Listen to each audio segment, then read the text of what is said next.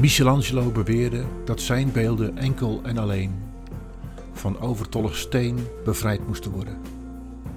Misschien is dat principe ook voor mensen geldig. Het lijkt mij geweldig als ik jou zo uit de verf zie komen. Herman van Veen. Michelangelo. Eén van de grootste kunstenaars uit de geschiedenis. Deze roem heeft hij te danken aan zijn revolutionaire plannen en vernieuwende ontwerpen. Om de mens die hij schilderde of beeldhouwde te bestuderen, maakte hij gebruik van anatomische studies van het lichaam.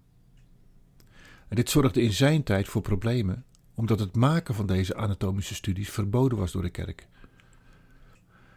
Doordat hij zich begaf in de hoogste kringen en ook veel andere kunstenaars ontmoette, kon hij zich ontwikkelen en kreeg hij waardering voor zijn werk, zodat hij de eisen van de kerk naast zich neer kon leggen en zijn eigen weg kon gaan. Michelangelo heeft door zijn leven en werk veel invloed uitgeoefend op zijn tijdgenoten en de volgende generaties.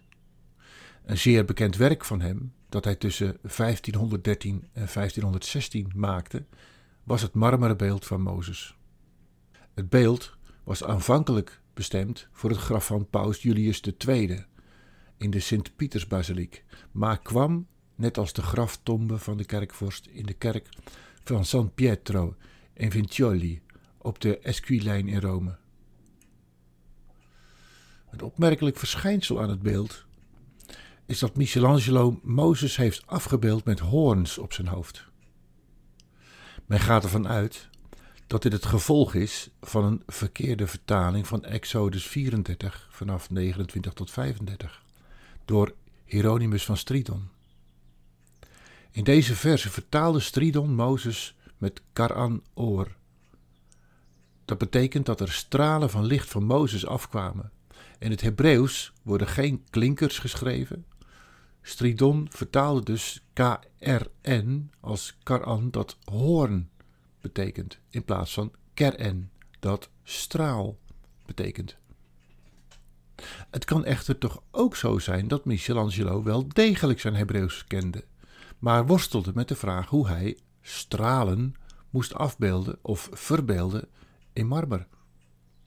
Het kan dus ook iets zeggen van de beeldhouwer.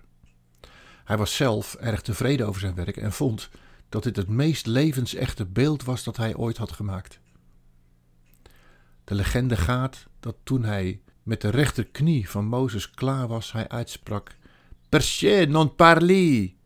Wat betekent: waarom praat je niet? Dit zou hij gezegd hebben terwijl hij met zijn hamer op de knie van Mozes sloeg. In het beeld is op de knie de kras te zien, waarvan wordt gezegd dat deze al dus is ontstaan. Overigens, volgens sommigen zou Michelangelo ook een heel klein zelfportret verwerkt hebben in een van de plukken van de omvangrijke baard van het beeld, al is dat niet heel erg duidelijk. Het is voor wie een bezoek brengt aan Rome zeker de moeite waard om ook dit beeld te gaan bekijken. Als je daar de kerk binnenkomt, kijkt hij je aan met een blik van: wat kom jij hier doen?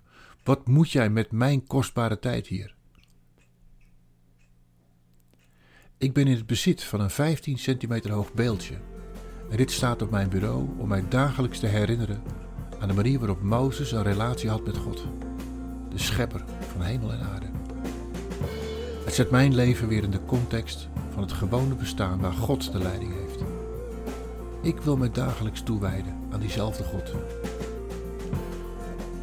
Zet even deze podcast stil, pauze. Leg het even naast je neer en denk eens over God en jouw leven. Beschouw dat eens. Wat is het dat God in mijn leven doet? Met wie heb ik op aarde te maken? Wat raakt mij deze week? Wat sprong eruit?